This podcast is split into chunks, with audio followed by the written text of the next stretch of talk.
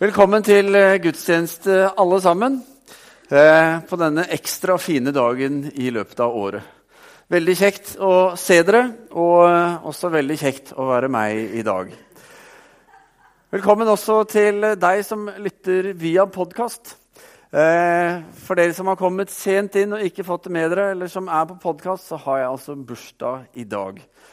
Og eh, det er jo gledelig, fordi det tror jeg var første gang kanskje at det har kommet dit at jeg får lov til å tale på min bursdag.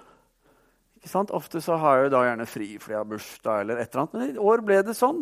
Og da kan jeg få lov å gjøre noe jeg har drømt om lenge, nemlig å tale så lenge jeg vil.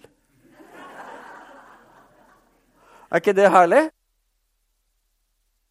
Bare å holde seg fast i dag, altså. Skal vi be.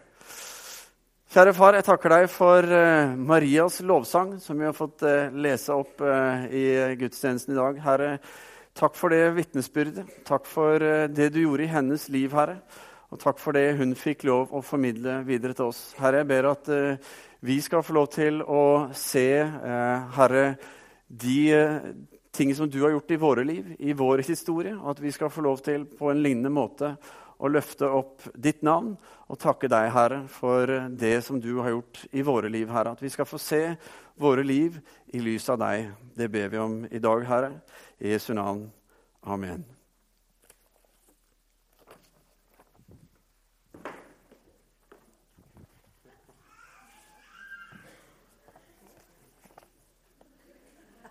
Det var så lenge du ville tale, det.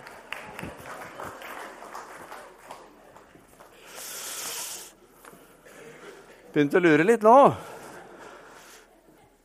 Bare tenk på alle dere som vet at jeg eh, taler av og til litt lenge.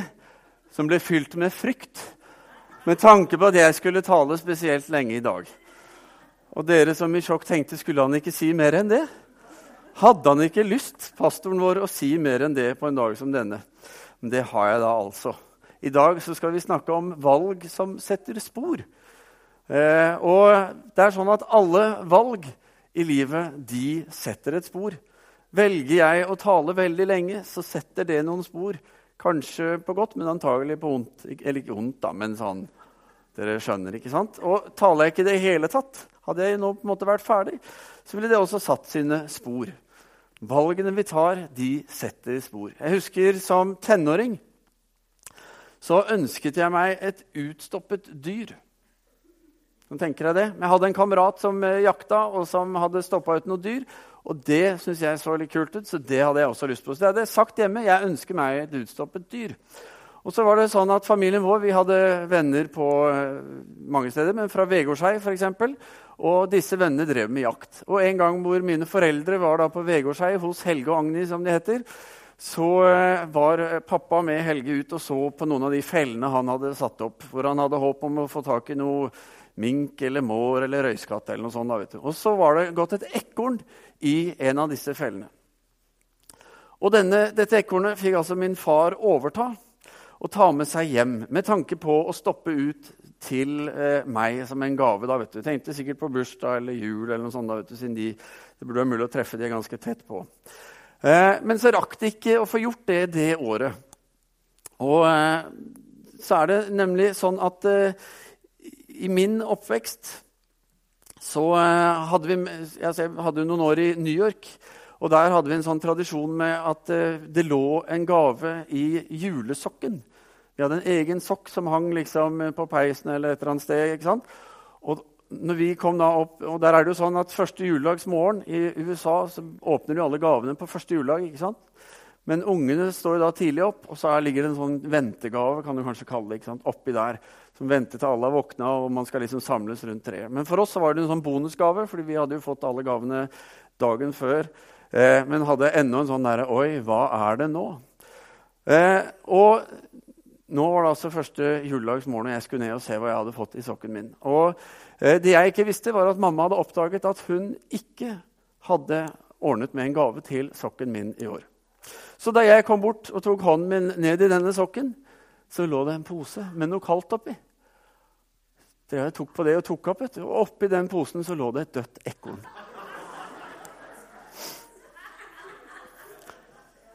Snakker om valg som setter spor.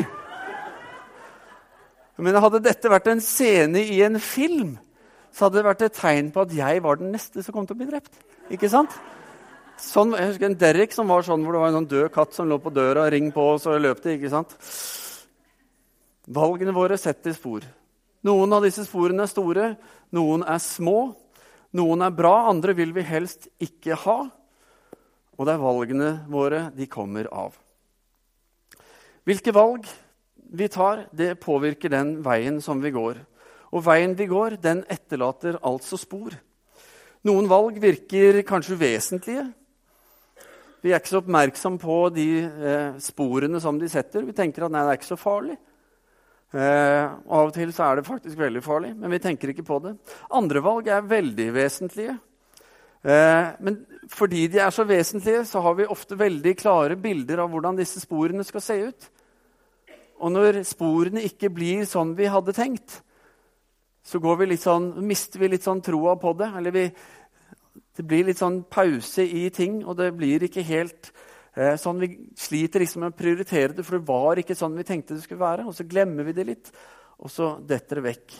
Og For mange er det kanskje sånn det er rundt dette som har med tro og de valgene vi tar med det. Altså, Vi skal ønske det så annerledes ut når vi gjorde noe i retning av Gud. ikke sant? Teksten vår i dag er altså fra Lukas kapittel 1, vers 46 til 55. Den ble lest tidligere i gudstjenesten, så du som er på podkast, får bare slå opp og ha den klar. Så får du lese gjennom den eh, etterpå. Det er altså Maria sin lovsang. Eh, og det er Maria som sier dette bare noen få dager etter at hun har eh, fått besøk av engelen Gabriel, som eh, fortalte henne at hun var gravid, og at hun skulle være mor til Guds egen sønn. Maria hun reiste bare noen dager etterpå opp til sin slektning Elisabeth. Fordi engelen Gabriel hadde sagt at Elisabeth, hennes slektning, også var gravid. Og eh, var blitt det ved et under ikke sant? Gjorde oppmerksom på det. Så eh, Maria hun drar opp til Elisabeth, og når hun kommer til Elisabeth og på en måte roper 'hallo' inn i huset, så skjer det noe hos Elisabeth.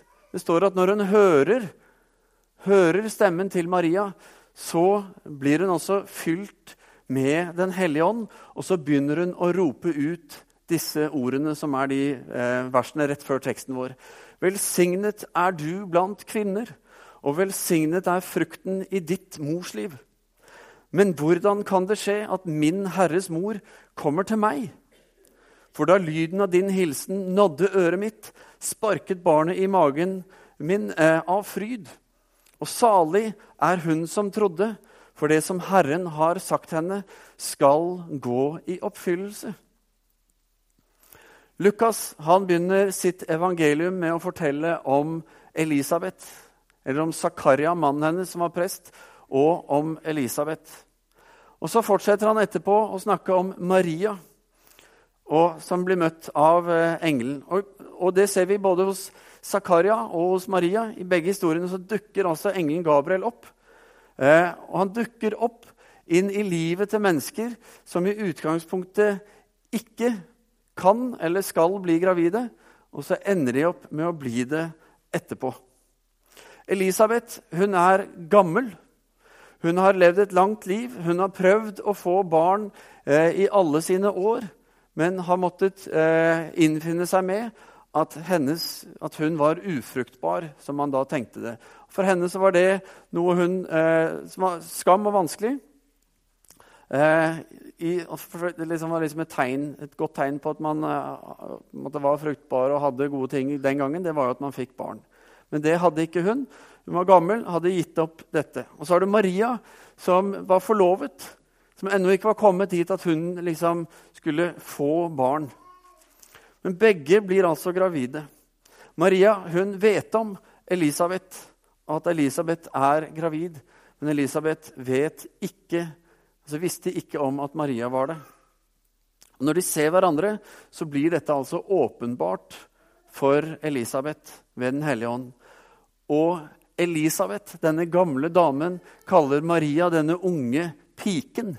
Hun sier 'min Herres mor'. Det er en spesiell scene. Marias respons på eh, denne bekreftelsen som hun får, bekreftelsen på, eh, på det som hun har opplevd, det blir da denne lovsangen. Marias lovsang. En lovsang som er utrolig sett i sin sammenheng. Den latinske bibeloversettelsen som heter Vulgata, har overskriften 'Magnificat' på denne lovsangen. Og det betyr, eh, altså det, På engelsk så er det 'magnificent', altså av samme stamme. Og på norsk så blir det da 'storslått', ikke sant? eller 'enormt bra'. Eh, altså noe som blir veldig forstørret, som dette handler om. Eh, I Marias lovsang så finner vi altså poesi, vi finner polemikk, vi finner teologi, vi finner historikk. Her er det ydmykhet. Her er det ganske hardt. Eh, her finner du utdrag fra loven, fra salmene, fra de historiske skriftene, fra eh, profetene. Altså, du får utdrag, fra alle hoveddelene i Det gamle testamentet. Det tar utgangspunkt i Maria sin situasjon, det hun har fått oppleve. Og så går det tilbake til eh, Abraham og løftet som Gud ga Abraham i 1. Mosebok 17. Det er minst 14 tekstreferanser som Maria henter fram, og som blir plassert inn i ti vers i Det nye testamentet. Som handler om Guds nåde, om hans miskunn fra slekt til slekt. Og så er det gjennomført på en utrolig bra måte. Hadde det vært kong Salomo eller kong David, som har skrevet mye fint i Bibelen, så var det liksom én ting. Men det er ingen av de to. Ingen konger.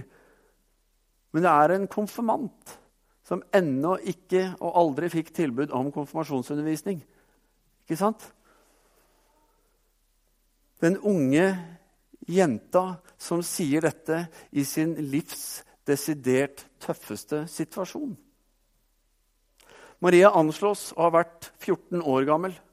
Hun er en jente i en kultur som ikke har en vanlig skolegang som vi er vant med. De hadde skolegang for gutter. Guttene de lærte å skrive og lese, primært for å kunne lese loven og profetiske skrifter og måtte bli kjent med disse.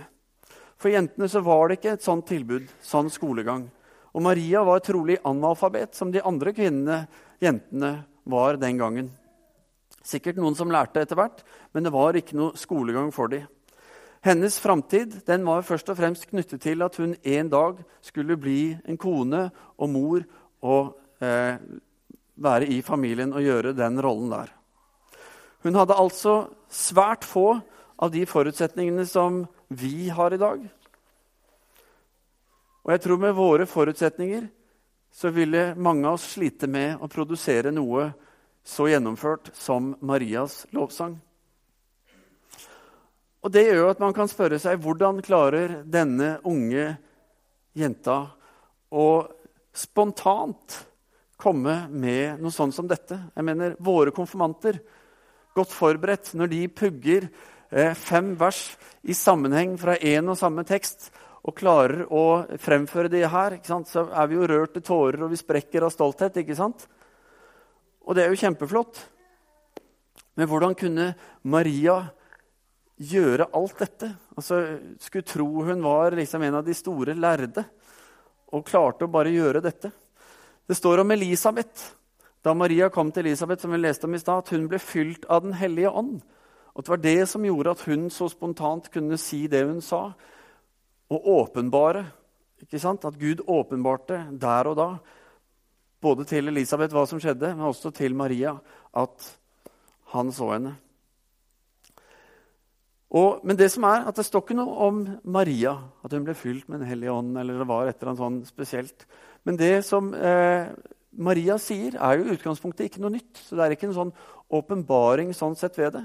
Men det er rett og slett et imponerende sammendrag av enkeltkomponenter satt inn i den virkeligheten som hun var i, som hun var blitt en del av. Hun skulle føde Guds sønn. Hun skulle være den eneste gudføderske noensinne. Og hun visste at dette barnet som hun skulle bære fram, kom til å sette spor. Det som kan synes som en god forklaring da, på hvordan Maria var i stand til dette, er det hjemmet som Maria vokste opp i. Det står ikke noe om Marias foreldre i Bibelen, men de omtales i senere skrifter på rundt 150 etter Kristus i noe som heter apokryfene. Der lærer vi om Marias foreldre, om Anna og om Joakim. Og at de var eh, kjent for å leve spesielt gudfryktige liv. Altså at Gud betydde enormt mye for dem, for deres liv, for deres hverdag, og at det gjenspeilte seg i livene deres. Eh, at hjemmet deres var fylt med tilbedelse, at man snakket om det som sto i skriftene som man hørte i synagogen, og at dette satte spor i andre rundt, og det satte spor i barna deres. I Jerusalem i dag så kan du gå eh, og besøke Sankt Anna-kirken, som ser omtrent sånn ut. Ikke bare omtrent, men den ser sånn ut. Eh, som er bygd nord for tempelet, like ved utgravningen av eh, det som var Betestadammen. Og eh, Denne kirken den ble bygd på 1100-tallet av korsfarerne som kom til Jerusalem. Og De bygde denne til ære for Anna, Maria sin mor. I denne kirken så ville de at det skulle være kontinuerlig tilbedelse. Det er en flott kirke, og det som er unikt ved kirken, er akustikken som er inne i denne kirken. Noen mener at det kanskje er verdens beste akustikk her inne. Hver tone lever i fire sekunder, og det er ganske lenge. Som betyr at lite, altså bare noen få stemmer høres ut som veldig mange. Og så sier man at fokuset som de hadde på akustikken da de bygde denne kirken, at det har sin bakgrunn i at de ville på en måte gjenspeile hjemmet som de, som de tenkte at Anna og Joakim hadde det. At her levde lovsangen, tilbedelsen, her levde skriftene og kunnskapen om hvem Gud var, i veggene. Det som altså var Marias barndomshjem. Den gangen så lærte de gjennom å høre, gjennom å gjenfortelle. Det var svært begrensa tilgang på lesestoff. Man hadde jo ikke bøker sånn som vi har det i dag. Kunne ikke gå på nett og bare finne artikler. og alt mulig sånn. Men man hadde store skriftruller som ble oppbevart i synagogene og i tempelet, som var skrevet for hånd. og Det var liksom ikke mange av disse. Så hjemme hos Maria så var det trolig en særskilt fokus på det å dele og det å gjenfortelle dette som man hadde hørt i synagogen. Man gjenfortalte, man delte, man så sammenhenger, man sang, man tilba. Mer enn gjennomsnittet, skal vi tro historiebøkene. Og så viser det oss det som vi egentlig allerede vet. Det er at eh, det vi fyller livene våre med, det er det også som får prege de livene som vi lever. Og at Maria sin lovsang på mange måter er en frukt av foreldrene sitt valg om hva slags hjem de ville ha. Hvilke valg gjør så vi i dag?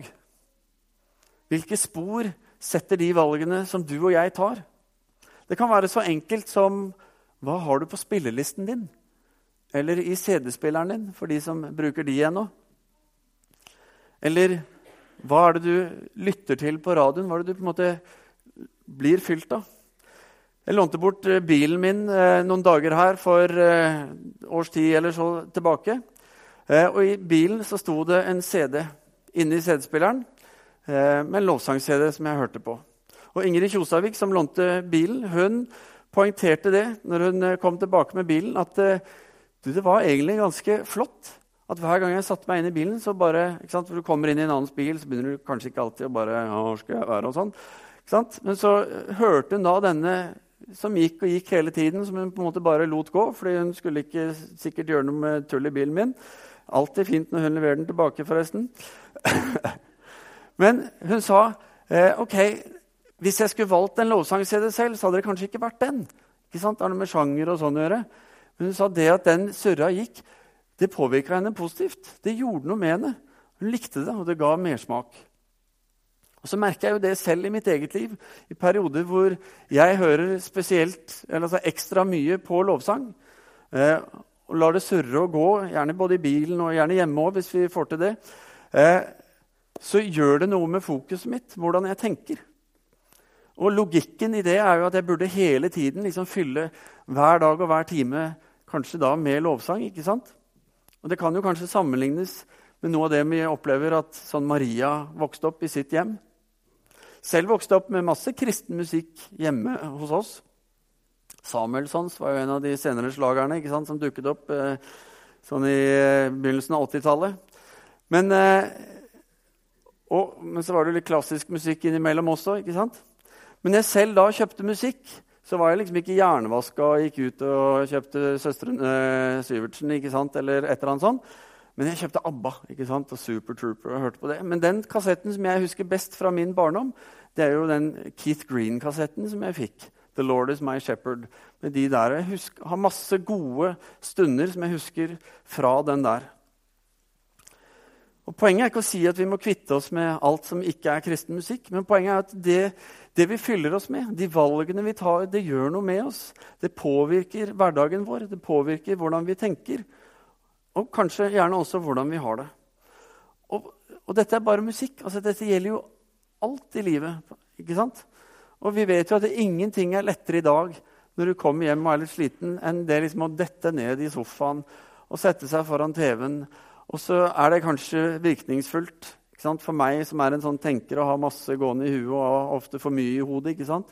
Å sette seg ned og bare ikke tenke på noe i 20-30 minutter er jo medisin, ikke sant? Men så kan du fort bli bare sittende og bare se litt sånn derre For å se. Hvorfor gjør man det, liksom? Men så påvirker det oss. ikke sant? Jeg husker når jeg vokste opp, så var det én kanal. Og det var én serie som gikk på TV. Vet ikke om du husker Dynastiet? Denne fagre buketten av eh, problemstillinger som ble presentert en gang i uken. Ikke sant? Men så ser vi at veksten av TV-serier har tatt helt av etter at TV havnet på nett. Og vi nå kan se nesten hva vi vil, når vi vil, fordi det passer oss.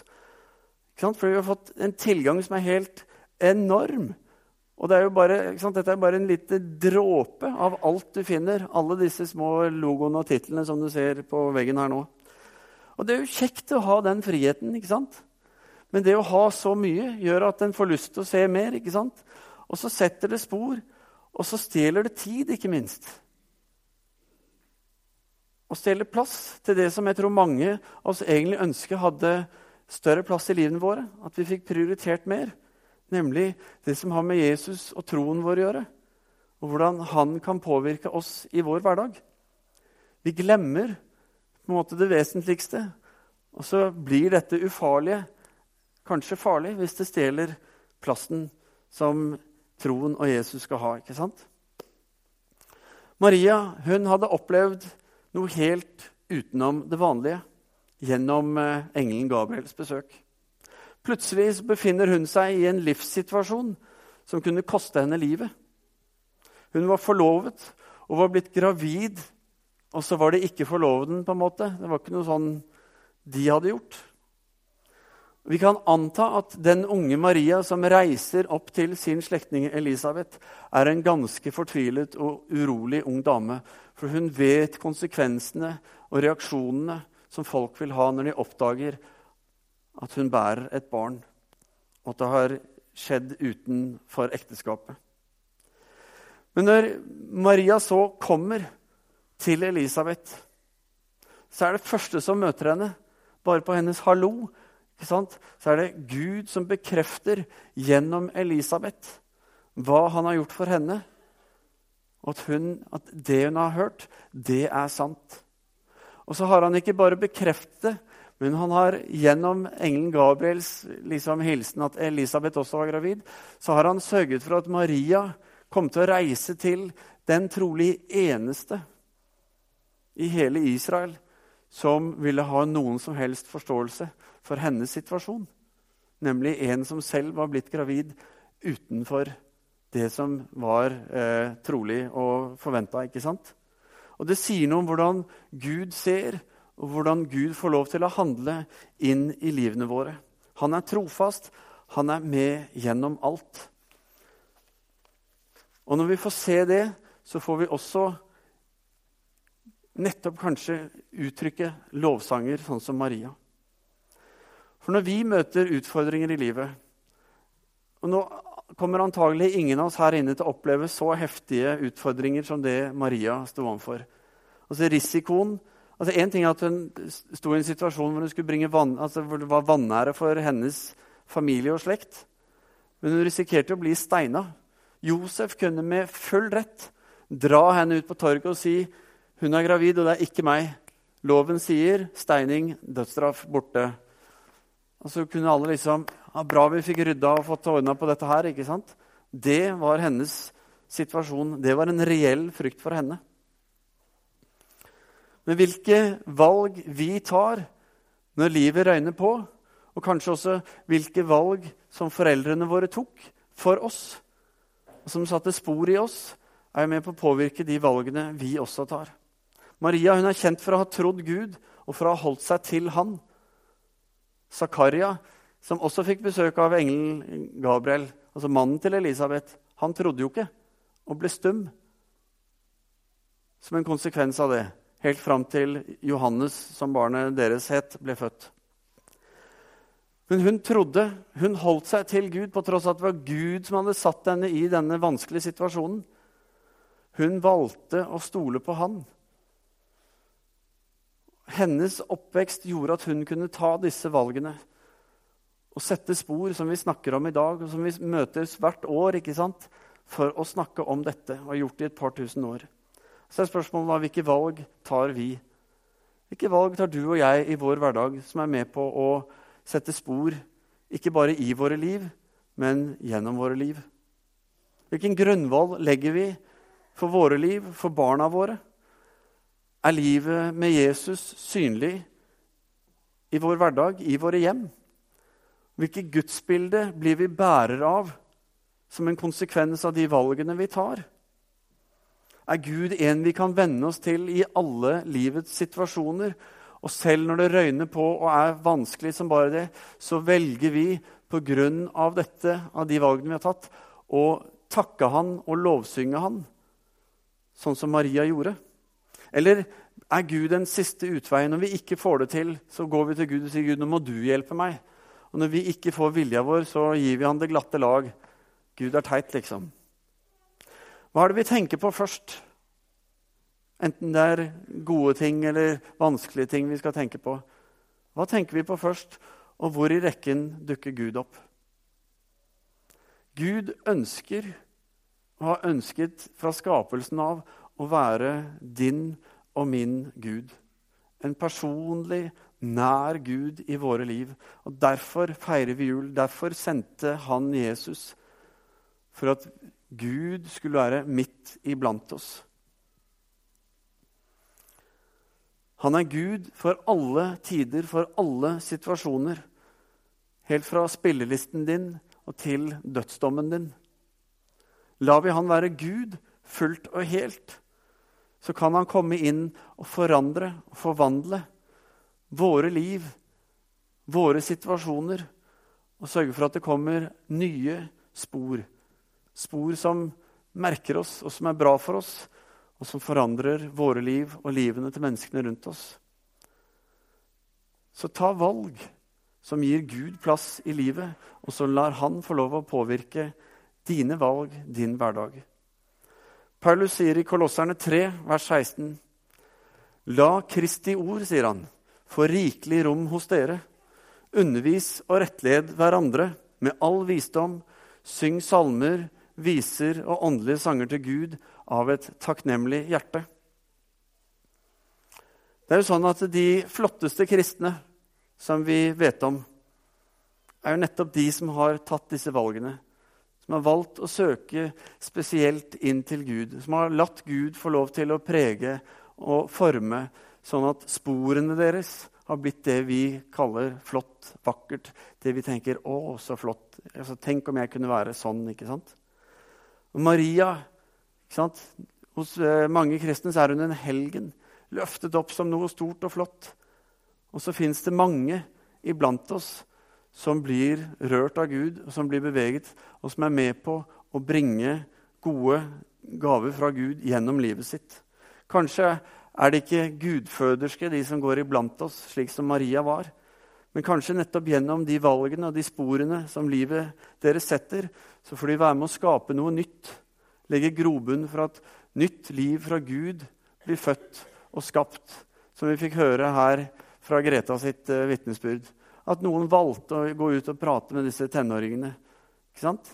Og så var det noe som lå sådd der, og som han fikk lov å være med og sette ut i vekst. Det er ganske flott. Og det er det vi kalles til. Å være mennesker som velger Gud. Mennesker som preges av Gud. Mennesker som lager spor som peker mot Gud. Det er en utrolig, utrolig flott velsignelse. Det er et privilegium som jeg skulle ønske for mitt eget liv, og som jeg skulle ønske for oss alle, at vi opplevde mye, mye mer. Og da tror jeg bevisste valg Gud, kom du og fyll mitt liv, fyll min hverdag. Tilrettelegg for det. La Han få lov til å være med på agendaen. Så tror jeg at eh, livet, det vil forandres på en vakker og flott måte. La oss be. Kjære himmelske Far, takk, Herre, for at uh, du kommer til oss. Takk for at det er din kjærlighet, Herre, som er uh, drivkraften. Du elsker oss, og du valgte å uttrykke din kjærlighet gjennom din sønn Jesus.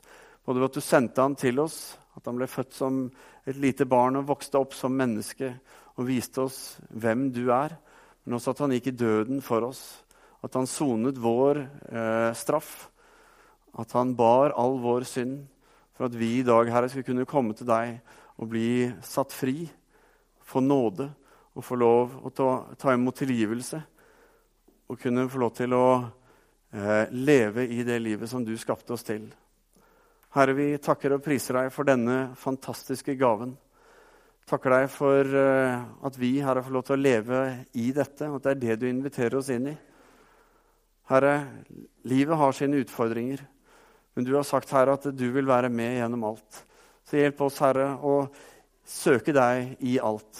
Ikke bare når det er vanskelig, men å legge bunnen, grobunnen, Herre, når vi også har det godt, Herre. Jeg ber at du skal velsigne oss i julen. Og så ber jeg at eh, Marias lovsang som tekst skal bli en inspirasjon for oss, Herre. Når vi tar teksten med oss hjem, når vi leser den igjen og ser eh, et uttrykk, Herre, for hvem du er, og hvordan du virker i vår tid. Herre, jeg ber at eh, vi skal få lov til å være med og levendegjøre det gjennom oss. Fordi det var derfor Jesus kom.